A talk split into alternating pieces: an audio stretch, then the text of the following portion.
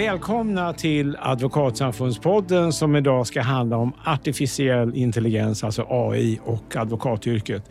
Vi har en panel som får presentera sig själv. Vem är ni? Vad gör ni? Charlotta Kronblad heter jag och jag är forskare på Göteborgs universitet numera. Men jag har också skrivit en avhandling i digital transformation där jag specifikt har tittat på eh, juristbranschens eh, förändring i med digitalisering. Mikael Sattamar Granberg, advokat på Max advokatbyrå, ansvarar för vårt verksamhetsområde Digital Business som hanterar allt inom IT, teknik och digitalisering och såklart på senare tid väldigt mycket AI. Och Mia Edvallin Solander är generalsekreterare här på Advokatsamfundet. Och då börjar vi med en kollektiv fråga eh, till panelen. Om fem år, kommer en advokat att kunna jobba utan AI? Va? Vad säger Mikael? Eh, det korta svaret är ja. Eh, från min sida. Jag tror att det finns många fält och områden där vi inte kommer bli ersatta av en AI på Men vi kommer, fall, ni kommer sikt. använda AI en del? Ja, jag tror att vi, vi kommer absolut påverkas och användningen kommer ju öka för i synnerhet oss i västvärlden. Mm. Men det finns ju säkerligen många fält och territorier där man ska för första ha tillgång till tekniken och så ska man ju kunna använda den och det är ju långt ifrån givet på alla ställen. Charlotta? Jag håller med. Alltså, jag tror också att vi kommer använda det allt mer och jag tror nästan att det inte går att undvika om fem år utan att alla advokater kommer använda AI om fem år. Mia, vad säger du? Nej, jag tänkte nog faktiskt svara nej på den frågan, men då är inte jag egentligen lika insatt som du är. Jag tror att de flesta advokater kommer att arbeta med AI om fem år, eller måste använda de verktygen på något sätt. Sen är ju frågan hur och på vilket sätt och så, men att det blir svårt att arbeta utan AI, det tror jag faktiskt. Ja. Charlotta, vad kommer AI att användas till bland advokater? Eh, jag tror att det kommer användas till allt möjligt. Om vi ser den här nya utvecklingen med generativ AI som genererar både svar och texter och eh, gör det du uppmanar den att göra så tror jag att till allt möjligt. Men till att skriva, skriva inlagor, till att granska avtal, till eh, att kontrollera olika uppgifter och belopp. Mikael, har du några alternativa användningsområden som ligger nära? Ja, kanske komplementerande i alla fall. Alltså så tillvida att jag absolut inom de områdena och det har ju också varit just eh, sådana typiska rutinbetonade och kanske mera standardiserade uppgifter som man har ersatt redan tidigare och som också redan nu, eller som man ersätter nu. Men eh, jag tror vi har ju också mycket uppgifter som vi utför som inte är juridiska. Det administrativa arbetet och mycket som ligger utanför kanske den liksom, juridiska expertisen där vi har, kommer ha stor hjälp av AI. Och, och sen tror jag man också ska fundera lite på den tendensen vi kanske har, att vi ersätter uppgifter som utförs av människor med AI istället för att titta på vilka uppgifter som faktiskt inte människor utför alls eller är dåliga på. Mm. Mia, kan AI användas i familjerätten? Eh, det gör det faktiskt redan. Det har vi sett sedan flera år tillbaka att det finns en del bolag som skriver, upprättar familjerättsliga avtal med hjälp av ID, eller AI. ID. Och det funkar? Ja, jag skulle nog säga att det inte funkar så bra. Du vet, skriv ditt äktenskapsförord på tio minuter, mat, liksom, mata in uppgifterna här och så får du ett äktenskapsförord av AI. Eh, jag, hittills har vi sett att det finns väldigt stora risker med det därför att eh, AI-instrumentet missar vissa viktiga parametrar. Så att det, än så länge skulle jag säga att det är nog väldigt farligt att använda AI. Eh. Och, farligt ja. att använda AI bara, skulle jag bara, tillägga ja, precis. där. För att, på något sätt så blir det ju det där att om vi kan låta AI göra det den är bäst på, mekaniskt analytiskt arbete, så kanske människan kan göra det vi är bäst på. Som är empati, mod, eh, mm. skapa värde. Eh. Det jag menar med farligt är att om man liksom går in på nätet och använder ett AI-verktyg och bara knappar in vissa parametrar så vet du inte heller vem är det som kontrollerar. Det står så här, ja, men kontrollerat av en jurist. Men vem är det som gör det och hur, hur vet vi att det blir korrekt? Och jag kanske inte har möjlighet att lägga in rätt uppgifter som ger rätt förutsättningar för att få rätt äktenskapsförord ut i andra änden. Och så. Och jag tänkte just fråga, Eftersom det ändå i slutändan kräver en hel del kontroll också när man har använt AI. Kommer det att spara så mycket tid och arbete? Det kan det nog. Det vet ni kanske bättre än jag och Charlotta bland annat. Eh, men eh, det är klart att det kan spara tid. Absolut, tror jag. Man, man liksom, ja. Att AI kan hjälpa till att gå igenom vissa parametrar som kanske är ganska eh, förenklade. så. Mikael? Nej, jag, jag håller med och jag tror att man får skilja just på det här där man förväntar sig att man ska få ett resultat inom ett område som man kanske själv inte behärskar eller där man tänker sig att man kanske ska ersätta en specialisering där, där ska man nog vara väldigt försiktig, men att använda det snarare som att kanske få en förlaga eller ett utkast till någonting där du redan har själv en, en tydlig bild av vad du vill att slutresultatet ska bli. Eller där du antingen redan vet vilken materia du använder. Du kanske bara vill få den sammanfattad på ett effektivt sätt istället för att slippa sitta och göra det själv. Där kommer det, tycker jag, till, till stor rätt. Men absolut, jag håller med Mia. Charlotta, när vi förpratade du och jag, då blev jag lite förskräckt. För då sa du att AI samlar in allt om, om ett område. All dynga som skrivs på Flashback och familjeliv och så vidare. Då undrar man ju hur mycket vi kan lita i slutändan på AI för en advokat. Ja, och det, det där är ju en ganska intressant fråga. Men det, det man pratar om där är ju den här nya typen av generativ AI som bygger på stora språkmodeller. Alltså att vi ställer en fråga till en chatt och så ska den svara med information. Och då tar den den informationen som finns tillgänglig. Och I Sverige är de största språkmodellerna, liksom bas, databaserna med skriven text, är Flashback och familjeliv. Så det är en ganska bra grej att komma ihåg, tänker jag. att Ställer du en fråga så kommer du få svaret från Flashback och familjeliv. Och då blir ju jag rätt eh, undrande hur användbart det är här, men det kanske ändå i slutändan är en så liten del av mm, Ja, allt. men, men då är det så här att det är teknologin. OpenAI bygger ju på den öppna eh, informationsmassan men det finns ju samtidigt eh, andra företag som använder samma teknologi men, men kan utgå från säkra databaser. Alltså med säker information. Eh, så det är precis vad, vad du använder men det vet jag att det utvecklas sådana nu, legal tech-bolag som, som jobbar med generativ AI. Och det betyder vanlig, på vanlig svenska att Flashback och annat som inte är särskilt tillförlitligt är borta? Exakt. Då kan den ju till exempel eh, köpa in en databas baserad på alla rättsfall och så utgår eh, informationen från dem. Men får jag bara ja. fråga, hur vet man det som användare? Det där är ju så intressant. Om man nu använder olika verktyg, hur kan man försäkra sig om vilken information som finns i de verktygen så att säga? Det är ju det som jag tror är väldigt svårt, men, men jag kan jag använder själv liksom ChatGPTs gratisversion. Då kan man räkna med att den använder eller bygger på gratisdata.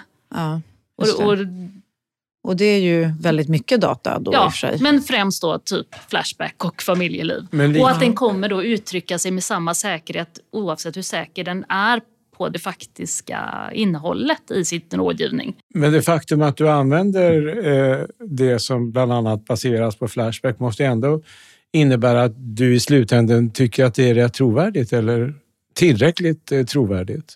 Jag tycker det blir tillräckligt bra.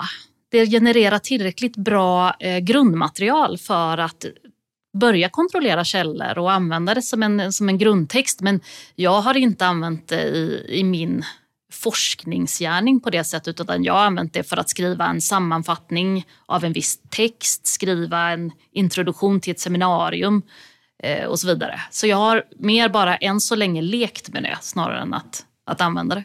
Mikael, är det, är det svårt att använda AI för en advokat som kanske inte är så IT-van och ska börja? Nej, jag, jag, skulle inte säga att det är svårt. Det kräver såklart viss vana. Vi har nog alla suttit och brottats med ordbehandlingsprogrammen från tid till annan och tyckt att man de mest självklara saker om man undrar varför det inte händer. Men, men man behöver ju ha just det här som Charlotta är inne på, förståelsen för de här verktygens förutsättningar och begränsningar. Att det inte är hundraprocentigt tillförlitligt ibland om man kanske jobbar med modeller som då bygger på så att säga den här publika datan. Nu, nu ligger det ju många, nu ligger ju nästan alla, om inte alla, de stora leverantörerna i startblocken för att släppa sina modeller som både är tränade för att kunna användas för mer specifika ändamål, till exempel inom medicinen, i juridik och där man också kan välja att bara använda sin egen dokumentation som man kanske har i sin mm. verksamhet för att vara säker på att den inte plockar upp Flashback mm. eller Familjeforum till exempel. Och de program som, kommer, som har kommit eller är på väg är, för just advokater, är de bra i allmänhet? Jag tror att det är för tidigt att säga än. Vi, vi, har, vi har gjort några pilotprojekt på Max och jag vet att de stora advokatbyråerna i Sverige har både utvecklat lösningar och har samarbeten och internationellt finns det flera exempel också på att man har jobbat med motsvarande ChatGPT för att skapa så att säga juridisk analys. Och eh, överlag, ja, jag skulle svara ja, de är bra, men man måste ha stor förståelse för hur de här modellerna fungerar. Mia? Det är intressant att veta då, tycker jag, du Mikael som är på advokatbyrå. Vilka är de programmen man helst vill använda? Är det liksom avtalsskrivning eller är det avtalsgranskning? Eller vad är det man är mest på advokatbyråerna liksom ute efter att få hjälp med? Det, är ju, det ligger ju nära till hands att se på de här kanske mer rutinbetonade, lite lågförädlade om man får säga så, arbetsuppgifterna. Det, det är ju de som är, tjänar mest på att effektivisera åt båda hållen, både från klientperspektivet och rent produktionsmässigt så. Och jag tror att någon har liknat det lite vid att eh, gå i en rulltrappa som är på väg neråt för oss eh, jurister. Att ner, längst ner i rulltrappan så är det här ganska lågförädlade arbetet där chattbottarna kan ta över ganska enkelt och högst upp har vi mer specialiserat strategiskt arbete och det gäller att hålla jämna steg med den här rulltrappan och kanske också försöka ta sig mer mot toppen än att åka neråt.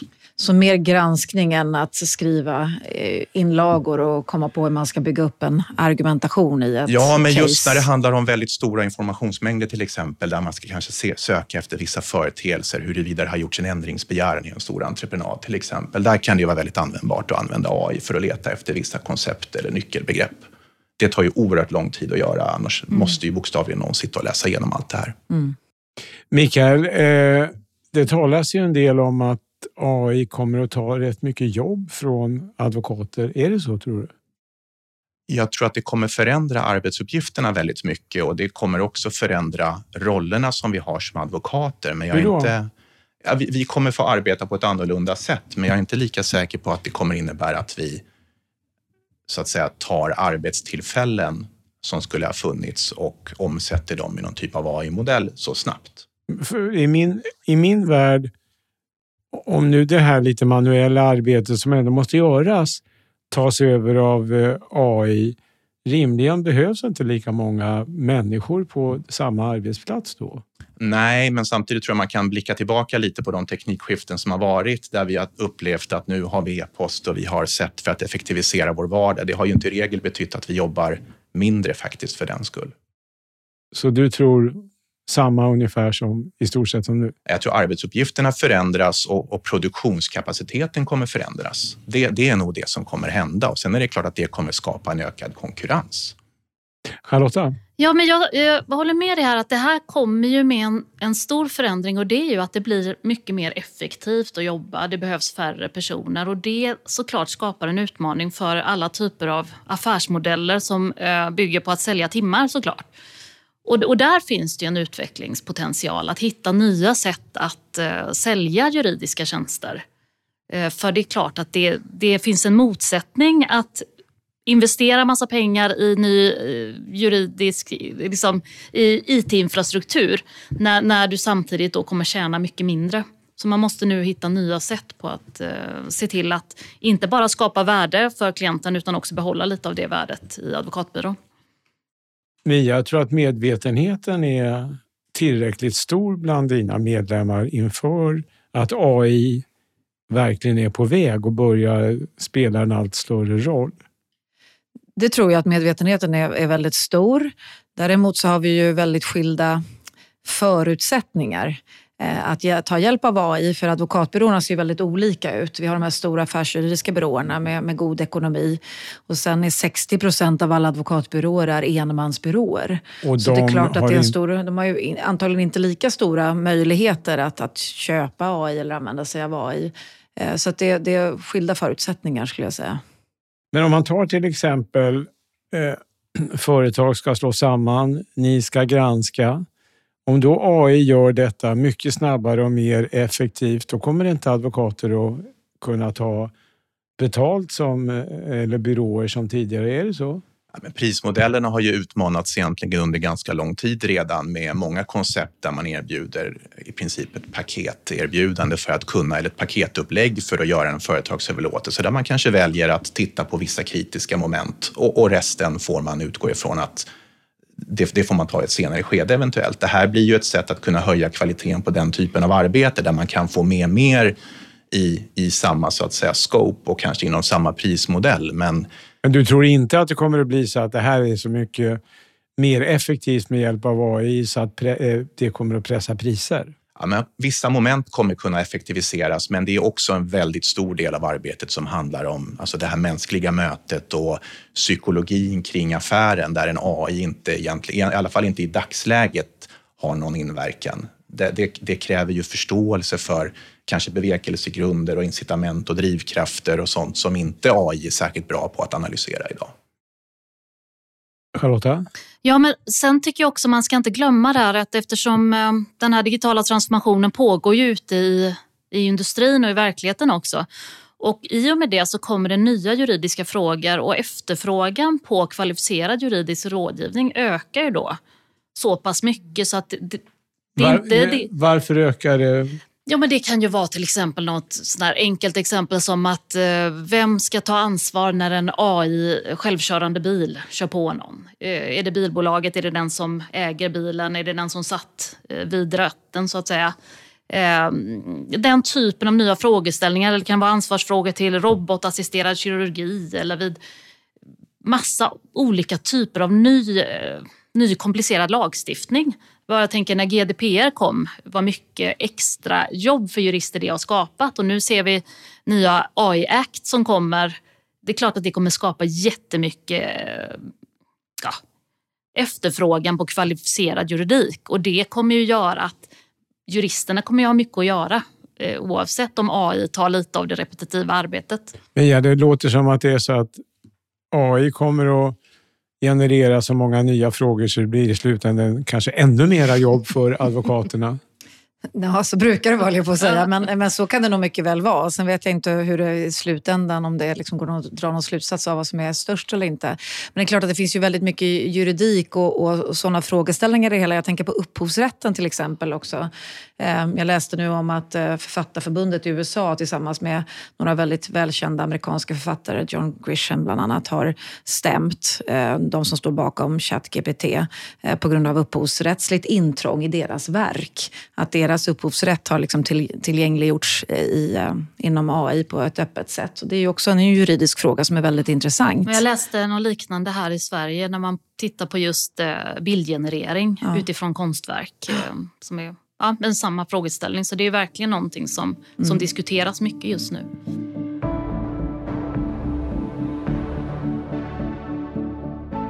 Så summa summarum Mia, Sveriges advokater bör inte vara oroliga för AI utan möjligen tvärtom. Det här kommer att bli bra och kanske generera en del mer arbete? Ja, I vart fall så är det en utveckling som vi måste följa väldigt nogsamt och vara delaktiga i. Mm. Och jag tror att det absolut kommer att generera en del eh, nya typer av frågeställningar som Charlotta är inne på. Och sen gäller det att använda sig av AI på ett liksom korrekt och användbart sätt. Eh, jag tror i och för sig att det kommer väl, borde vara så att det påverkar antalet anställda och hur man arbetar och så. Det är inte säkert att det blir färre anställda men, men hur man arbetar kommer det att påverka. Och Mikael, eh, det, kanske, det är en självklar eh, fråga, eller svaret kanske är självklart, men det, vad som är minst lika viktigt, gissar jag, som juridiken, det är det mänskliga mötet mellan advokat och klienter. Kommer det att påverkas, tror du, av AIs inträde? Jag tror inte att det kommer påverkas i det närmsta perspektivet, för det är ju absolut så att i många sammanhang så är det mänskliga mötet som kan vara helt avgörande för att det blir kanske en lösning eller en överenskommelse. Det kan vara något så banalt som att man pratar om samma fotbollslag innan man går in i förhandlingsrummet och helt plötsligt så når man en lösning. Det, det, den, den dimensionen är, den är, alltså den är viktig och, och framför allt förståelsen kanske för just som sagt klientens eller bevekelsegrunder eller för den delen motpartens incitament och drivkrafter. Det, det är ju som sagt väldigt svårt för en AI-modell att kunna ta till sig och abstrahera det. Lagarna bygger liksom på våra värderingar och värderingarna styr våra beteenden. Det är väldigt svårt för en AI-modell att omsätta de här värderingarna i konkreta resultat annat än när det är väldigt så att säga logiska sammanhang som det ska hända i. Mia, vad säger du? Nej, jag håller helt med. Det är ju också det roliga med att vara advokat, klientmötet. Så om man vill fortsätta vara advokat så vill man ju träffa klienten och, och bolla och prata och dynamiker i det. Så att av den anledningen så tror jag att det kommer finnas kvar också. Man vill träffa sina klienter. Charlotta? Jo, men då tycker jag eh, vi har kommit tillbaka till någonting som jag sa här inledningsvis. att Det handlar om att kombinera människa och maskin på ett smart sätt. Och att kan vi då använda det mänskliga mötet, interaktionen för att skapa förtroenden och för att vara kreativa och empatiska. Men då är det väl jättebra om vi kan arbeta mer effektivt och eh, ja, träffsäkert med AI. Men då måste vi såklart kunna AI, alltså förstå hur man använder det och. Eh, prata algoritmiska, så att vi kan prata om AI på ett adekvat sätt. Prata algoritmiska, ja, det, låter urtrist. svårt ja. låter det. Ja. Vad ska man göra för att lära sig prata algoritmiska? ja. Nej, men det, jag tror att man ska inte... Eh, alltså man ska våga prata om algoritmer och risker och konsekvenser. Eh, och lite grann kanske läsa den typen av litteratur och kolla lite science fiction. Mikael, du har sagt i den förnäma tidskriften Advokaten att risken är överhängande att medarbetare tycker att det är enkelt att bara kopiera in en text och få någonting utfört, men att det kan ändå i slutändan vara problematiskt.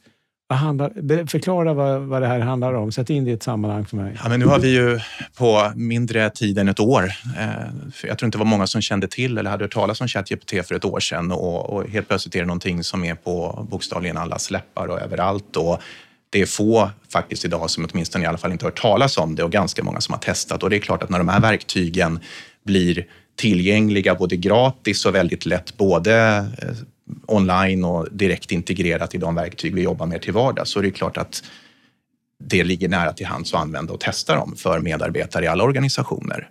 Och där är ju risken stor att man, jag menar i synnerhet från advokatperspektivet, jobbar med information som är sekretessbelagd av, av många olika skäl. Och det kan ju också vara så att det finns andra skäl till att vi inte vill mata in den informationen, kanske i en sån här modell. För om man matar in sekretessbelagda uppgifter med hjälp av AI, då riskerar det att komma ut. Är det så?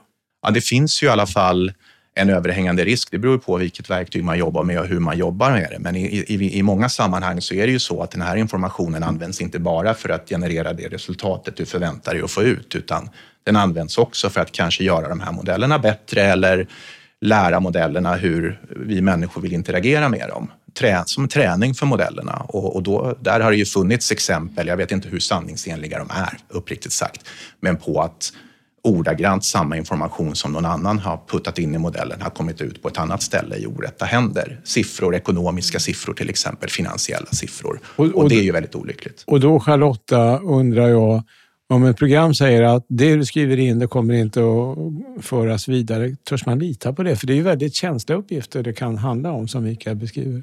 Ja, men då tror jag att det får man ju se liksom i, i det kontraktet med det företaget man väljer att börja arbeta med. Men, men såklart så finns det väldigt mycket olika och, och, det som jag tänker är att jag vill gärna uppmuntra folk att börja leka med de här modellerna, gratisversionerna. Eh, använd ChatGPT, se hur det funkar. Skriv ett tal eller be den förbättra ett recept eller vad som helst. Eller översätta en text. Men men ska man verkligen använda det i sin advokatverksamhet då skulle jag ju råda det till att eh, använda ett företag som skapar produkter för advokatmarknaden. Och då törs man ändå i slutändan, man kan ju aldrig vara säker, men det, då är det goda chanser att det inte det kommer skulle jag utanför. säga. Ja. Mia, vad säger du om det? Ja, där måste man lägga till att även om det är goda chanser så har ju advokaten fortfarande sitt ansvar. Det är ju bara advokatens ansvar att se till att rådgivningen till klienten blir korrekt. Så man kan ju inte skylla på att det här föreslog ChatGPT, utan det är ju advokatens ansvar att vara säker på att den rådgivning man lämnar är, är rätt. Så advokatetiken är ju fortfarande densamma, även om man använder sig av, av AI. Ja, men precis, det är ju som att man, vi skulle använda ett Excel-ark eller en miniräknare eller vad, vilket hjälpmedel som precis. helst. Att eh, man har ju ansvar för det, det är den rådgivning man lämnar till klient. Så. Där var det ju en incident i USA ganska nyligen med en advokat som hade skrivit en inlaga med hjälp av ChatGPT och så var det bara påhittade rättsfall. Alla rättsfallen hade ChatGPT hittat på själv. Ja. det var ju inte så jättebra kanske. precis, och det, där ser man ju liksom källkritiken där. Ja. Att han kanske borde ha kollat upp de där rättsfallen Exakt. innan man skickade in inlagan till rätten. Men det gick fort säkert. Det var mm. liksom bra sätt att göra det snabbt på. Och det såg trovärdigt ut. Ja, det såg trovärdigt ut. Och, och jag tror att han faktiskt i något skede gjorde just det. Han gick ju tillbaka och kontrollfrågade. Men stämmer verkligen det här? Och då hade ju ChatGPT i något fall sagt att nej, där hade jag nog fel. Men de andra två, de kan du lita på. Så att eh, det är, det är inte så lätt att veta faktiskt. Det låter som det kommer att bli en del dikeskörningar framöver innan vi är på fast mark. Vad tror du Charlotta? Nej, men det tror jag nog att det, det kommer bli och så är det ju i all utveckling. Nu är vi liksom i teknologins framkant. Vi är, jobbar med innovation här. Det är klart att det kommer gå fel ibland och då måste vi vara ödmjuka och, och rätta till de felen och ta ansvar för dem.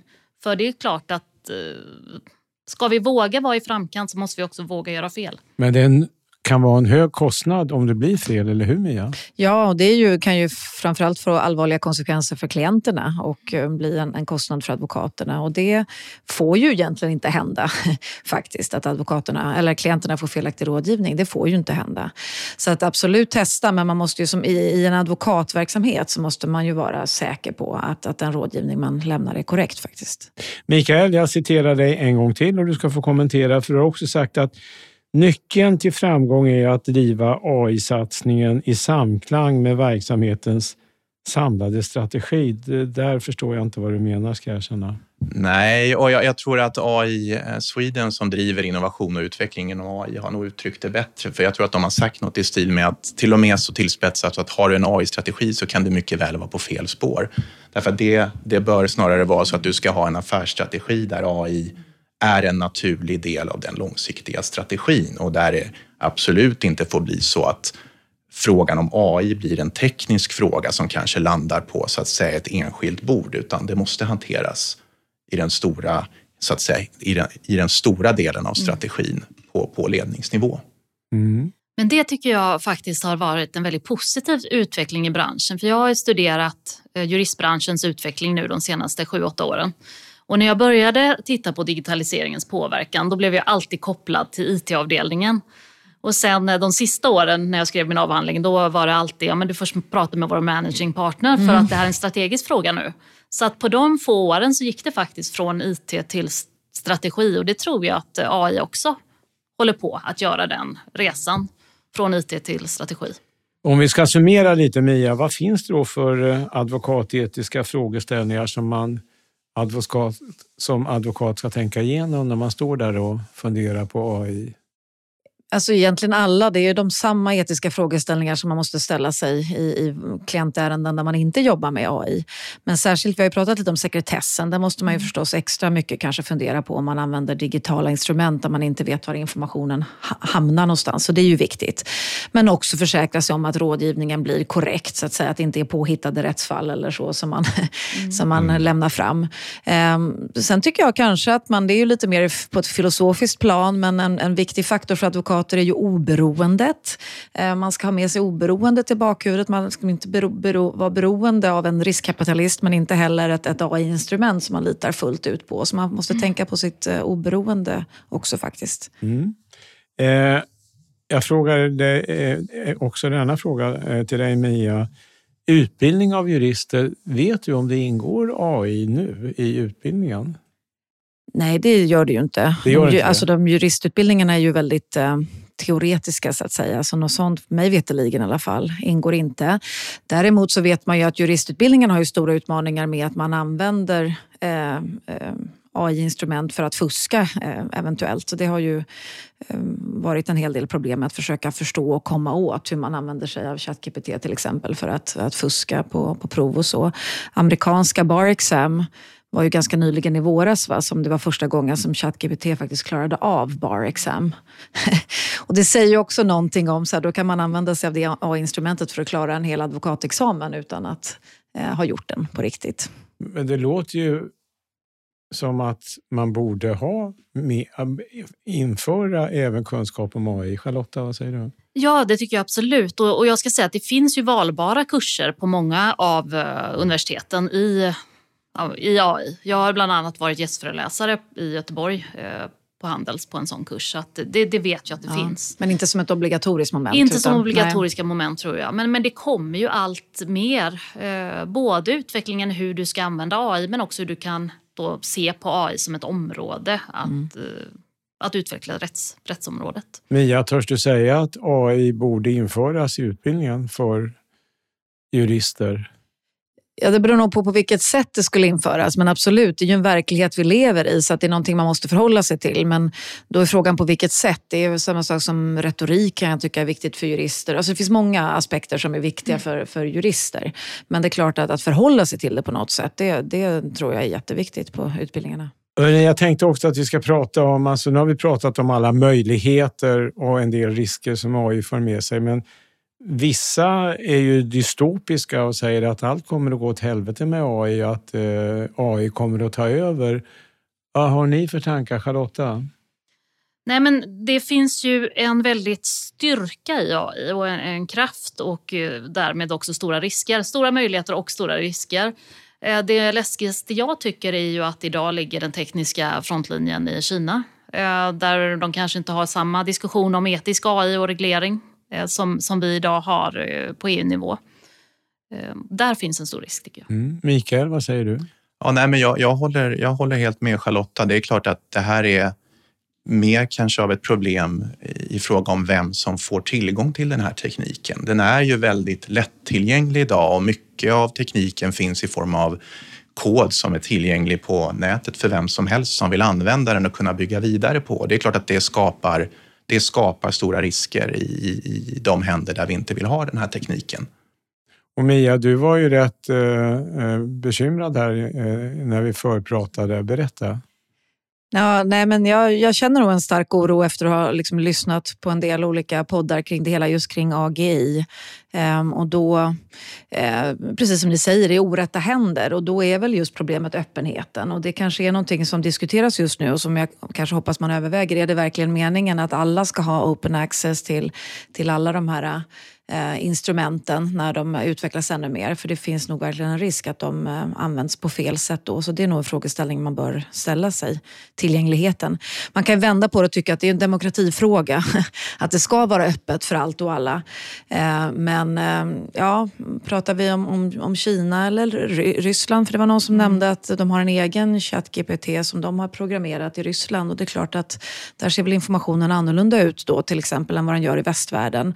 Det väcker ju väldigt mycket tankar, tänker jag, kring att, att vi behöver väldigt aktivt, tror jag, verkligen fundera mm. över den här problematiken. Precis på samma sätt som man funderar över rädslan för kärnkraft eller mm. eh, miljöutvecklingen. Det här är också en frågeställning där vi behöver fundera, och prata och diskutera på ett realist, en realistisk nivå. Men jag eh. håller med. Det här, du säger att, att vi ska prata om det och det är just det som jag tycker är det viktiga också. Att vi pratar om det. Sen behöver vi inte ha alla svaren idag. Men att vi börjar en, en diskussion om frågorna, eh, det är viktigt. Och det har vi försökt att bidra med genom denna podd som vi nu ska sätta punkt för. Så jag tackar Charlotta Kronblad, Mikael Satama Granberg och Mia Edvall Insulander och tack till alla er som har lyssnat.